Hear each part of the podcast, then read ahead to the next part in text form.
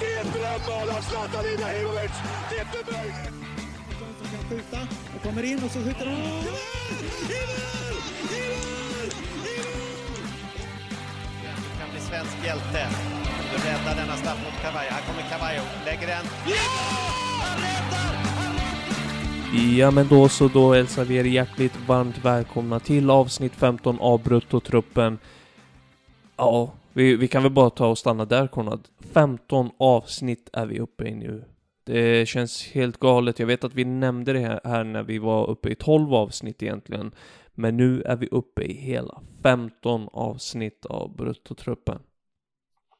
Ja, det är riktigt nice och eh, tyvärr så, så har vi eh, vet det, haft lite oregelbundet här nu under EM, men eh, det är också på grund av eh, eh mycket andra jobb och sådär, men, men vi, vi, vi har ändå en hel del att prata om nu så att uh, det kanske vi kan göra upp för med ett uh, fullspäckat EM-avsnitt.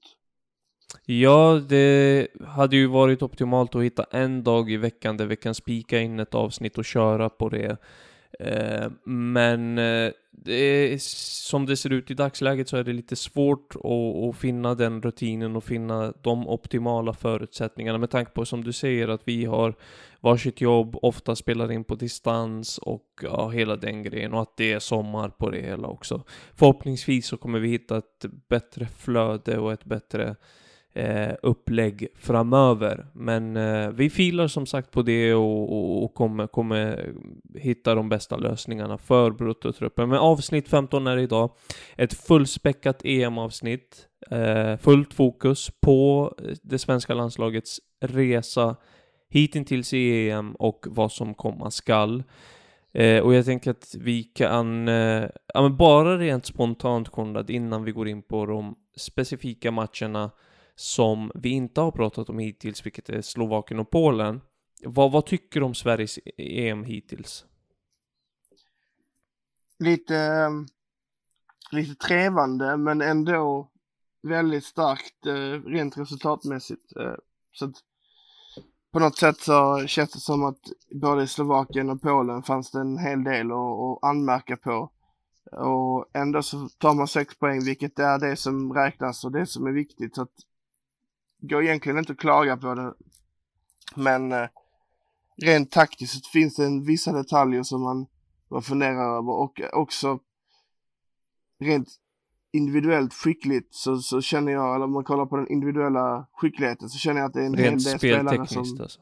Ja, men ex, eh, kanske, kanske är bättre ord faktiskt, men just också att man kanske inte får ihop, vissa spelare får inte riktigt ihop det. Uh, vilket ja, så är det ju. Alla kan inte vara formtoppade på samma gång så att eh, ändå tycker jag det, med det i åtanke, imponerande att man vinner gruppen. Väldigt imponerande. Ja, alltså eh, om jag får säga mitt också så tycker jag att det är eh, ett, alltså en riktigt bra insats hittills. Man vinner gruppen, man går obesegrade, man kryssar mot Spanien, plockar mot po eh, poäng mot ett Spanien på hemmaplan. Man slår Slovakien som har visat fin form här i EM och man slår Polen. Visst, man var illa ute där ett tag även om Hasse Backe var superlugn eh, under hela matchen så var vi andra kanske inte lika kolugna som han var. Eh, det, det är som du säger, man har väl lämnat en hel del att önska sig rent speltekniskt eh, i, i passningsspelet och i bollbehandling och lite sådana saker, men ah, lite svårt att klaga på ett svenskt landslag som har plockat sju poäng, vunnit gruppen med, med ett Spanien i liksom. Eh, men eh, vi kan väl bara gå tillbaka där och, och prata om Slovakien-matchen. Eh, Sverige vann med 1-0 efter mål på straff av Emil Forsberg. Vad säger du om den matchen? Vad minns du av den matchen? Vad tog du med dig? Ja, det var, det var, det var lite svårt faktiskt. Jag satt och kollade. Jag såg den, för, först och främst så såg jag den i efterhand sådär. Men, men eh, jag skulle säga att Sverige, de hamnade lite grann i, i eh, men jag vet inte, någon form av fälla där tror jag. Att man trodde att man skulle ha lite näbboll, man var lite kaxigare. inte, inte sådär jättekaxiga som att de var Brasilien, men att det var lite mer så här. Jag kände att Sverige kanske inte riktigt bottnade i sin matchplan mot Slovakien. Eh, men, men de, jag menar, de stängde ändå till bra och sådär så att men det, det, var ju tur att, att det blev en 1-0-seger på straff liksom. Eh, jag tycker att Sverige kanske förtjänade men, men eh, det var inte det bästa jag sett från Sverige. Det var inte så mycket offensiv kreativitet och det var inte så mycket som hände framåt. Och eh, jag förstår det därmed att man lyfter in Berg, eller tar ut Berg, eh, även om Quaison-experimentet inte var så lyckat mot Polen så var det ju det som behövdes för att bryta lite mönster. Eh, du säger att man inte riktigt bottnar i sin matchplan och där ställer jag väl eh, några frågetecken till vad matchplanen egentligen var. Alltså vad ville man åstadkomma när man gick ut under de första 45 minuterna? För jag tycker mig ha sett, börjat se ett mönster i Anna Anderssons lag och det är att man ofta går in uh, i den första halvleken med en viss inställning liksom så här, kanske faller lite, lite väl lågt uh, och man går inte riktigt så långt fram som man hade kunnat göra om man håller igen i offensiven lite grann. Sen gör man analysen i paus och skickar med spelarna fler verktyg inför den andra halvleken. För jag tycker, alltså nu är det ofta att man går in, in i den andra halvleken och gör det mycket bättre än vad man har gjort det i det första.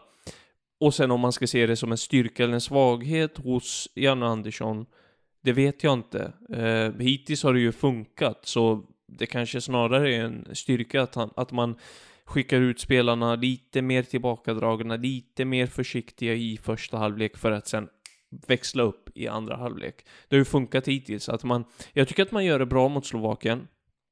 Som sagt, inte riktigt på tå i första halvlek. Men sen, så fort den andra halvleken drar igång, då eh, är eh, Sverige det klart bättre laget och man borde nog ha gjort både 2 och 3-0. Eh, för mig var, var liksom, var det, var, alltså Slovakien hotade inte riktigt där sista 20-30. Marek Hamsik bytte, byttes ut och, och, lite sånt, han som är liksom nyckeln på mittfältet för Slovakien och så. Så i, i den andra halvleken var jag aldrig orolig, men i den första, ja, inte, som, som du säger, inte riktigt den bästa prestation man har sett av Sverige. Nej, eh, Nej, det är sant, men, men det är också det att man, jag tror att man förväntar sig lite mer av, av Sverige när de hade en match som var lite enklare på pappret och eh, man hade med sig en lite skeptism, för, eller vad säger man, Skep, skeptism från, från ja. eh, svenska folket efter matchen mot Spanien och eh, man ville väl kanske jag tror att vi hade ställt in oss, vi supportrar, på att de skulle göra en stor skillnad i sin matchplan. Men så blev det inte, eller jo det var ju stor skillnad men, men du förstår vad jag menar att det blev ja, kanske inte så. Förstår, det var, det var en jättestor skillnad var det ju men, men ja, det var inte, ja. det var inte på samma sätt som jag kanske tror att många hade förväntat sig. Um, så jag tror att där också, det är en sak som jag tror att Sveriges prestation mot Slovakien lider lite av att man hade en helt annan förväntning av matchen att okej okay, nu ska Sverige gå ut och ladda ur och göra massa mål jag tror att vissa underskattade hur, hur pass eh, organiserade Slovakien är. Ganska bra lag faktiskt. Det är absolut inte ett av de bättre men, men de visade liksom mot Polen och mot Sverige att de har en del kvalitet och att de inte ger upp liksom. Mm. Så att på något sätt var inte det var inte San Marino vi mötte och det kanske man får förstå lite grann också vissa. Jag skulle säga att det är en ganska stor andel av, av supportrarna här i Sverige som, som uttalar sig som att det vore ett blåbärsland. Och det, Slovakien är väl kanske på gränsen där liksom. Alltså, man är, man är ju ett, ett landslag som som har jag tycker att det är lite underskattning där ändå. Jag menar, om du kollar på pappret så är det en hel del kvalitetsspelare i det laget. Eh, mm. Och jag vet att vi nämnde Milan Skriniar här senast och vi har nämnt Marek Hamsik tidigare. Alltså det är spelare som, som kan spela på, på den yttersta världsnivån. Ja, Marek Hamsik kanske inte riktigt, men, men jo, alltså visst, absolut. Han är klar för den turkiska ligan nu och när han kommer i form så kommer man se att eh, han fortfarande håller en riktigt bra nivå. Det tyckte jag att man såg här under EM också.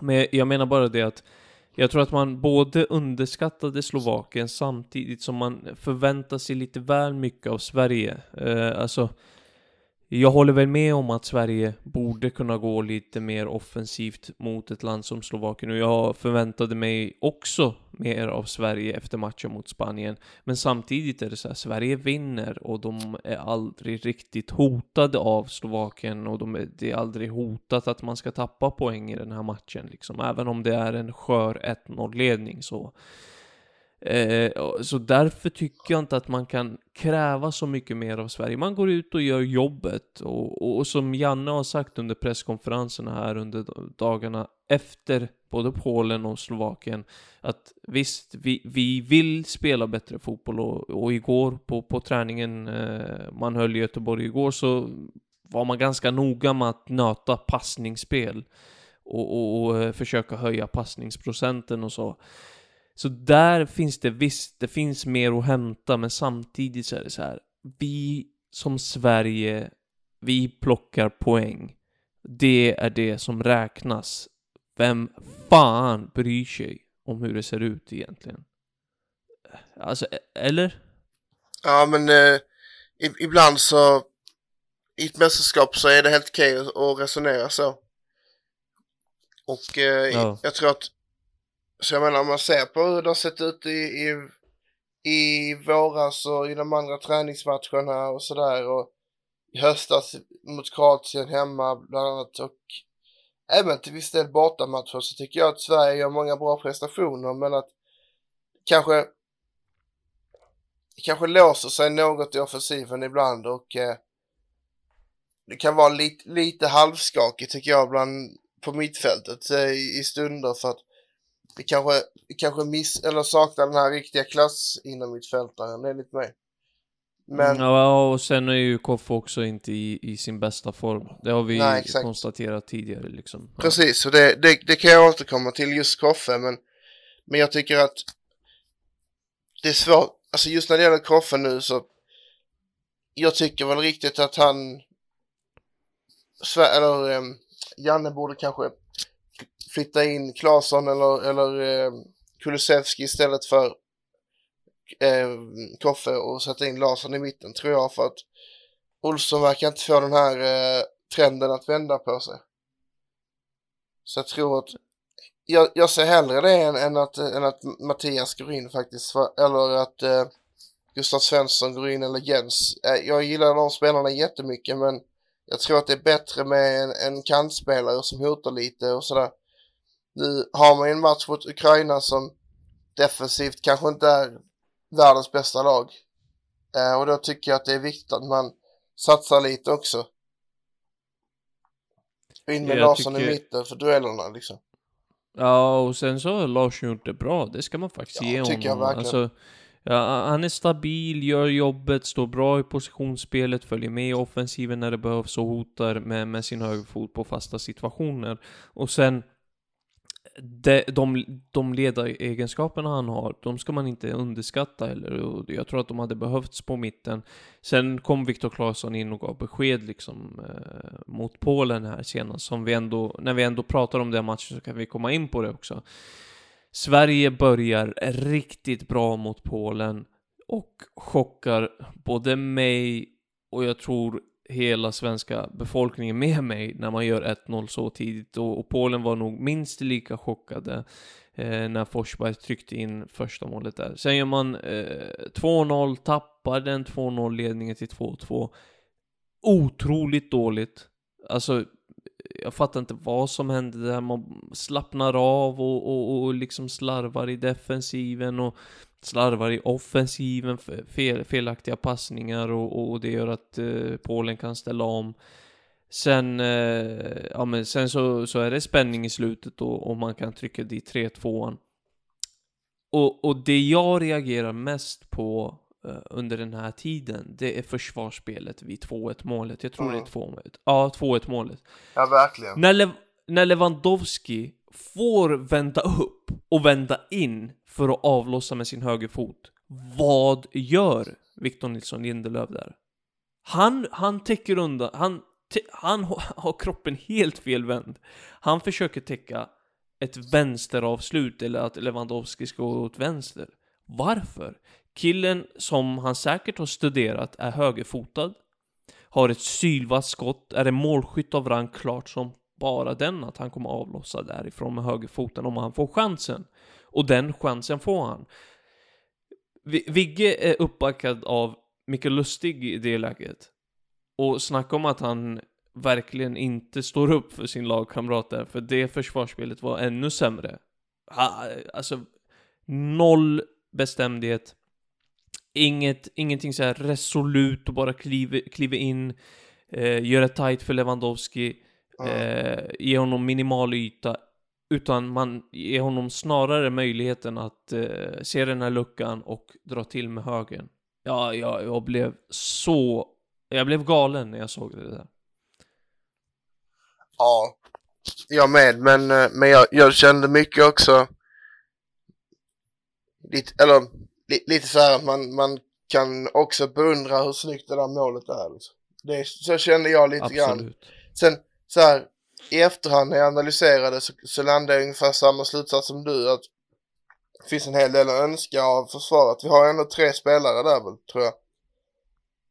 Någon av dem Ja. borde kunna kliva. Mm. Men eh, med, det, alltså, med det sagt så visar han ju otroligt jäkla bra han var i den här matchen. Han hade kunnat göra hattrick med den eh, nick, eh, nick-grejen i första halvlek. Ja, just det. Ja, herregud, det där var ju helt galet. Alltså vilken klasspelare. nick- Hade han spelat i, hade han spelat i Tyskland eller England som saknar, alltså okej, Kane, det är inget fel på honom, men jag menar alltså rent formmässigt. Hade, hans, hade Kane haft Lewandowskis form, eller om eh, Werner hade haft det säger vi, då hade ju Mm. England och Tyskland varit riktigt obehagliga liksom. Ja, nej, de, de missarna där, det, det, det var nästan så här en klump i magen för, för Lewandowskis skull. Alltså, förstår du vad jag menar? Man, man Ja. gillar ju Lewandowski och unnar honom framgång i landslaget. Det, det, är ju det han har kriti- kritiserats för. Men, men, och så kommer det där liksom. Men, men sen så får han göra, eh, göra mål och, och, och eh, briljera. Men, men, ja, alltså rent det är ingen lytta tycker- liksom heller. Nej, ja. Jag tycker en helt okej insats i stunder av Sverige, eller en bra insats i stunder, och sen så tappar man fokus och bara släpper in Polen i matchen. Och så blir det en helt onödig spänning i slutminuterna som man till slut ly- lyckas lösa då. Eh, är det någonting mer så här speciellt som du tar med dig från den här matchen? Nej men eh, två saker att Men ett, ett eh, är ju det här med att Sverige är ganska beroende av att bytena blir rätt. Och Kulusevski blev väldigt rätt, Klasen blev väldigt rätt. Så det var ju väldigt fint jobbat men jag tänker att Sverige måste hitta en, eller jag tror i alla fall att det hade varit bra om man hade hittat en strategi för hur man, hur man vill göra varje gång det är slut av matchen liksom. Att, eh, nej men, låt säga att man byter ut Olsson eller Larsson eller Ekdal, någon av de tre, tar in en yttermittfältare med 30 minuter kvar ungefär, eller 25. Det, det behöver inte vara bestämt varje gång, men att man har en strategi för det så man vet lite grann vad som kommer komma för att jag menar den här gången lyckades det men man är lite beroende av att någon ska komma in och vara supersub för att ge den här kreativiteten och farten och sådär och det, det är kanske en, en svaghet i hur Sverige spelar fotboll. Att man eh, ja, alltså man behöver byta in spelare som, som går in och briljerar när de är trötta. Liksom. Ja, och jag, tyck, trötta. jag tycker ändå att Sverige har visat prov på det när man har slängt in Kulusevski eller när man har slängt in Robin Quaison. Alltså det, det tänket som du är inne på, det, det tror jag att man, man har med sig och det tror jag att man redan använder sig av. Sen, sen är det så här, eh, nästa steg för Janne, nästa huvudbry är nu eh, när Koffe underpresterar som jag och du har varit inne på och Dejan gör det så bra och Viktor eh, eh Viktor liksom. Han, han kom in och gjorde det bra också. Nästa huvudbry är hur går man vidare härifrån mot Ukraina? Vem ska man starta och vem ska man använda som den här nyckeln som du nämner i 60 minuten? Eh, är det Dejan som ska vara den som hoppar in och, och kör sönder försvaret på motståndarna na, med sina pigga ben liksom? Och är det Claesson som kommer in som lite mer stabil till höger? Mm. Det, det, det är ju frågan, det, det är ju där Janne behöver tänka till. Han har ju själv sagt att han i första hand kommer använda Dejan som anfallare. Det sa han ju under presskonferensen igår. Eh, och tycka vad man vill om det. Eh, Dejan kom in och gjorde det riktigt bra mot Polen och, och, och med, med, sina två assist som anfallare. Så ja, nej, det, det, det kommer bli spännande mot Ukraina som man ju möter här på tisdag den 28 28 eh, juni. Ja men absolut och eh, jag vill bara säga att angående Dejan så är jag väldigt mycket på planhalvan att jag vill ha honom från start. Man säger att man vill ha in honom som en injektion.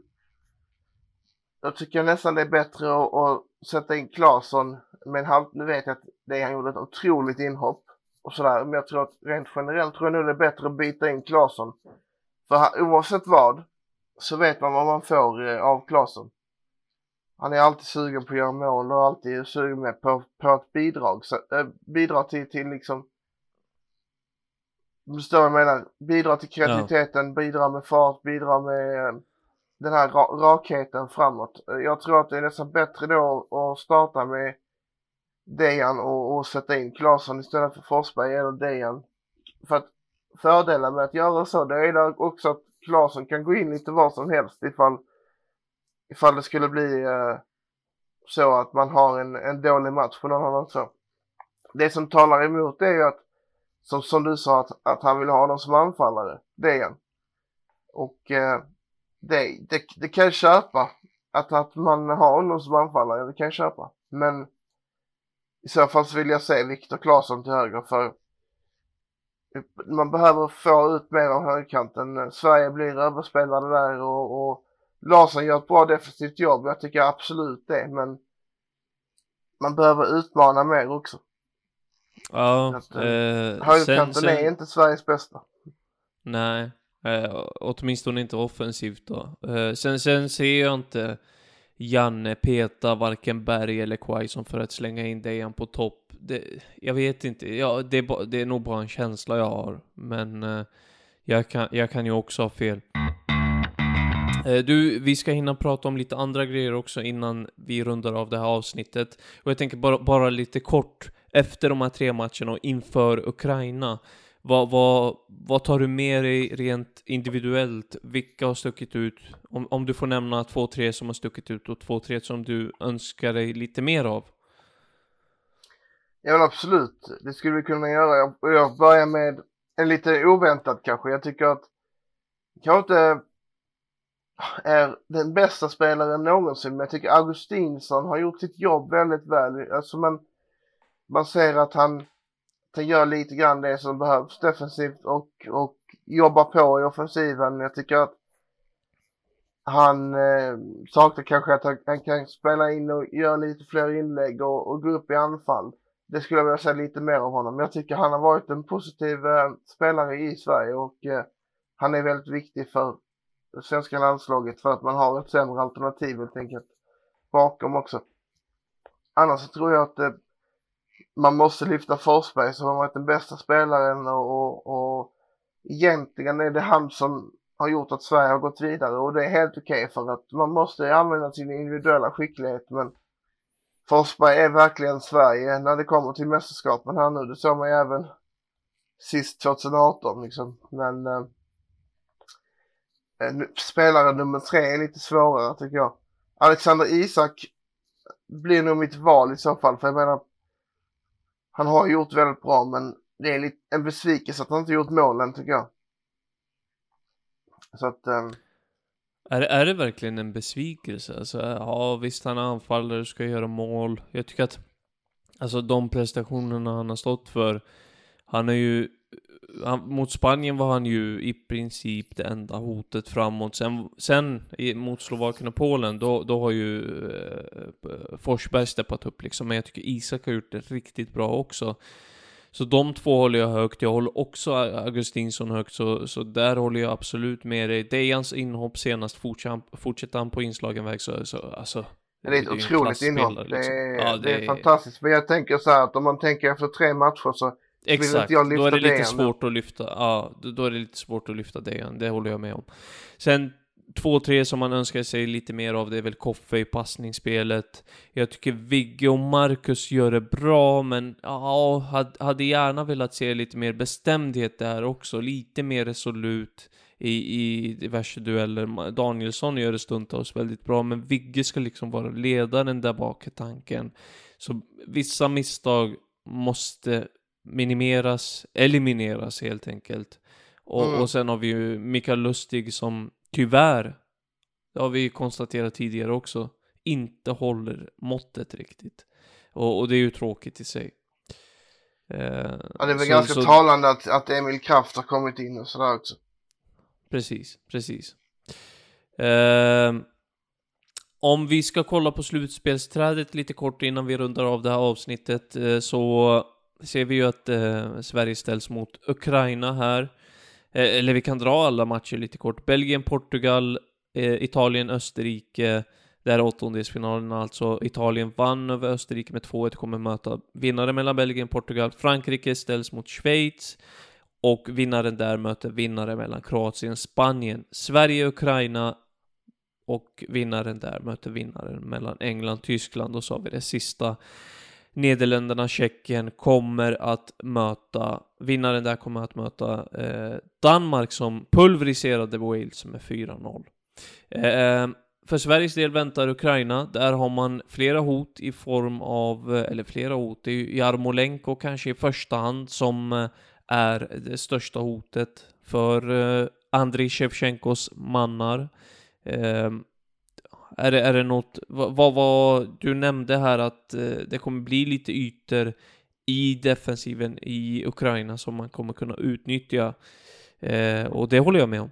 Det, där ska man nog kunna gå lite mer offensivt va? Det är helt rätt eh, match att, att utnyttja sina djupledshot och, och försöka sträcka på Ukraina. Man har ett väldigt skickligt mittfält och den, den duellen förväntar jag mig att Ukraina kommer att vinna kanske har lite mer boll. Kanske, alltså inte mycket mer boll, men, men kanske man har, man har en 55-60% kanske och styr spelet lite mer. Medan jag tror att Sverige kommer behöva använda sina snabba spelare för att göra ja, men, omställningar men också att man bygger sina anfall genom att, jag vet inte, ta bollen ifrån deras mittfält och jobba upp den långsamt eller att man ja, men håller i bollen helt enkelt med berg kanske. Och det är där jag mm. ser, jag, jag vet inte om Berg startar, jag, jag vet inte vad jag, ska, vad jag ska tycka om det om jag ska vara helt ärlig för att jag menar, det går inte så bra just nu. Men sen vet man ju också vad Berg besitter. Så att, så att, men min poäng är att jag tror att mycket handlar om vad man gör offensivt i den här matchen. För att om man gör det bra offensivt så, så har man alla chanser i världen. Det tycker jag ändå, jag tycker Sverige är en liten favorit, inte jättemycket men skulle man ha en, en trubbig match offensivt så, så tror jag det kommer att bli respass nu i åttondelsfinalen om man inte gör minst, eh, minst ett mål och alltså jag menar nu låter det kanske uppenbart men jag menar jag tror inte det blir förlängning och 0-0 utan jag tror Ukraina är för, för skickliga för det. Ja, jag tänkte komma in på det. Jag menar en offensiv trio i form av Jarmolenko, Jaremchuk och Malinovski som jag och du känner väl ifrån Serie A. Känner till väl från Serie A med sin vassa vänsterfot och, och trycket i dojan och hela den biten. Det är, alltså gör man inte en klockren match defensivt, då är det som du säger. Då tror jag att det blir respass alltså. Och där, man måste ju få in en balja liksom.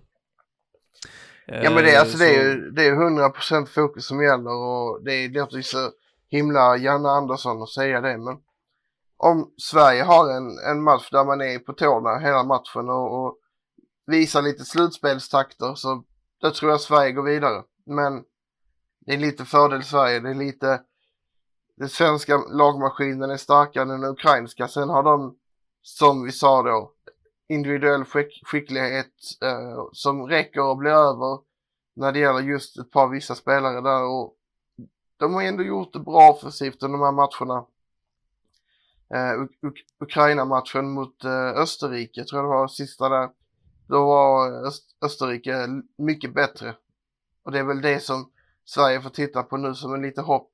Eller hopp, men alltså inspiration kanske mer då. Men mot, mot eh, Makedonien tror jag att jag, jag, rätt, jag rättar mig om jag har fel, men jag tror att de var uppe i nästan fyra i expected goals mot Nordmakedonien. Det har jag faktiskt inte koll på. Och eh, Men... eh, det säger ja. ändå en del med vad de gör rätt och det är väl att de går till avslut, att de sätter pressen när de väl får chansen så, så går de rakt på. Det gjorde de ju mot Nederländerna där de förlorade med 3-2. De hade ju 2-2 eh, rätt så länge så att, eller länge kanske det inte var, men det var sent i matchen i alla fall. Mm. Så att eh, det är, det Ja. är ett lag som man inte ska, ska underskatta. Men Det eh, ska man definitivt inte. Och ett lag, eller två lag som man inte ska underskatta är ju England-Tyskland, vilket man säkert inte gör. Det är ju den potentiella motståndaren om man skulle, eller något av de lagen blir det ju i kvartsfinal. Och där kommer det ju bli ett riktigt test. Men lyckas man, nu eh, ska vi inte eh, gå in i framtiden allt för mycket, men lyckas man ta sig förbi eh, England eller Tyskland så kan Danmark vänta i semifinal och det hade ju varit häftigt. Eh, ja, så ser slutspelsträdet ut lite kort Konrad. Bara en sista grej innan vi stänger av för dagen och det är det här ryktet som har kommit från Gulfen om att Robin Quaison är nära Al-Ettifaq i Saudiarabien. Bara, bara en kort kommentar om eh, tankarna kring det. Men att det kanske inte är så förvånande ändå. Att han eh, stod för en ganska svag säsong och eh, det är ett svagt lag och då är det svårt att hitta eh, de här absoluta storklubbarna tror jag. Man, du, du eh, tror inte att det ligger någon sanning i ryktet till, eh, alltså om Roma? Nej men alltså jag, jag ser inte skicklighet, alltså jag ser inte att han är tillräckligt bra för det. Han har en viss skicklighet eh, i, i många, ska, jag skulle säga att han är skicklig i många delar i spelet men att liksom du måste ha en extra nivå av den här skickligheten, kanske ett extra lager för att spela där med i Mourinhos Roma med eh, väldigt duktiga spelare. Det, nu kommer de också få tillbaka det är inte det samma spelartyp, men de kommer få tillbaka Chen- Cengiz Ynder. Jag tror ju att Mourinho gillar den spelartypen så att, Ja, och sen så, alltså, det vi ska komma ihåg är ju någonstans, alltså, Robin Quaison är 27 år gammal, blir 28 i år, och alltså ett snedsteg i karriären kan, alltså, det- kan ju göra så att han inte blir så här jätteattraktiv på marknaden, och det kanske han inte är i dagsläget heller. Därav valet att om han nu gör det då, eh, gå till Saudiarabien och kanske ja, fylla plånboken lite grann innan man lägger skorna på hyllan och det kan jag förstå till 100%. Men ja, man hade ju hoppats på eh, att att, eh, väntade, åtminstone att det skulle vara något bättre sportsligt för Robin Quaison. För det känns som att han har ett brett register som inte riktigt har fått blomma ut. Eh, och den potentialen visade han prov på i fjol när han bar Mainz på sina axlar stundtals. Och det såg vi i, i, ja men vi har sett det tidigare också, vi har sett det i landslaget. Det hade man velat se lite mer av i en, ja men mö- möjligen större klubb eller i, i en av de fem stora ligorna. Men istället så blir det ju Saudiarabien och man vet ju aldrig. Berg har gjort den resan också och sen flyttat till Ryssland. Så kanske, om nu Quaison går till Saudiarabien så kanske det blir en återkomst någonstans i Europa. Det vet vi inte. ja men det, Det återstår att se. han är ju fortfarande ganska ung och det känns ju som att han kan vara, han kan, eller ung, men han är inte liksom 35, det är det jag menar. Att det kanske är, han kan ha fått, alltså du vet, det är bara ett rykte och, och jag tror att om han skulle resonera att han tycker det är värt att gå dit, då tror jag att det rör sig om rätt mycket pengar. Att, eh, jag vet inte vad han tjänar i Mainz, det är väldigt mycket gissningslek. Men, men det kan nog inte vara mycket mer än kanske en, en miljon euro kanske Mm. per säsong. Det är Mainz vi Ja. snackar om så att eh, det tys- den tyska ligan har ju inte sådär våldsamma löner. Jag skulle kunna till och med kunna tänka mig att det är lite mindre så. Och om han kommer dit och han tjänar en, vi säger en 4-5 eller om inte mer. kanske till och med ännu mer i och med att det är Saudiarabien. Han kommer ju åtminstone dubbla eller trippla sin lön, det kan vi ju alltså utgå från. Eh, bara för att gardera oss, tänker jag. Alltså, och, och, det är ju det värt det, att göra den flytten, tänker jag. Eh, ja, sen får absolut. vi som sagt se. Eh, ja, men det är hans karriär, se. så det är, alltså, man ska inte glömma det att det är hans karriär. Han, kan, han kanske sitter där och har rätt tufft med erbjudanden också, det vet man aldrig. Det är, Exakt. det är så svårt för oss att säga och eh, men jag, jag, skulle nog säga att så här att rent spontant känns det som att Quaison sätter sin landslagsplats på spel om han skulle gå dit. Men för att han är inte så unik som Berg är för det svenska landslaget med sina egenskaper är inte Quaison när man har Kulusevski, tycker jag. Att, Nej, du, eh, har en, du, du, har faktiskt en poäng där och... Ja. Han har kanske en liten risk att, att tappa sin landslagsplats, men men, men min, mitt budskap till Quaison, om han nu skulle lyssna, det kommer ju aldrig hända, men, men då skulle jag säga så här att kör hårt, tjäna dina pengar, men om du vill spela kvar i Europa så är vi väldigt glada för det. Ja, det, det är, jag inget tillägg utan jag håller bara med dig där. Och så tänker jag att de orden får avsluta det här avsnittet, Konrad. Vi eh, tackar för att ni har varit med oss än en gång, avsnitt 15 av Bruttotruppen som sagt, där vi har plockat ner EM lite grann, eller plockat ner, det är ju inte över, där vi har eh, sammanfattat det som har varit hittills och eh, ska bli spännande att se ett Sverige ta emot Ukraina här på tisdag. Följ oss gärna på Twitter där vi försöker vara aktiv, så aktiva som möjligt. Tanken är att vi framöver ska hitta lite mer kontinuitet i både avsnitten men också eh, på sociala medier och allt omkring och, och, och hittat bra flöde liksom. Men det kommer, det kommer med tiden. Tack för att ni har varit med oss och ha en fin eh, EM-vecka.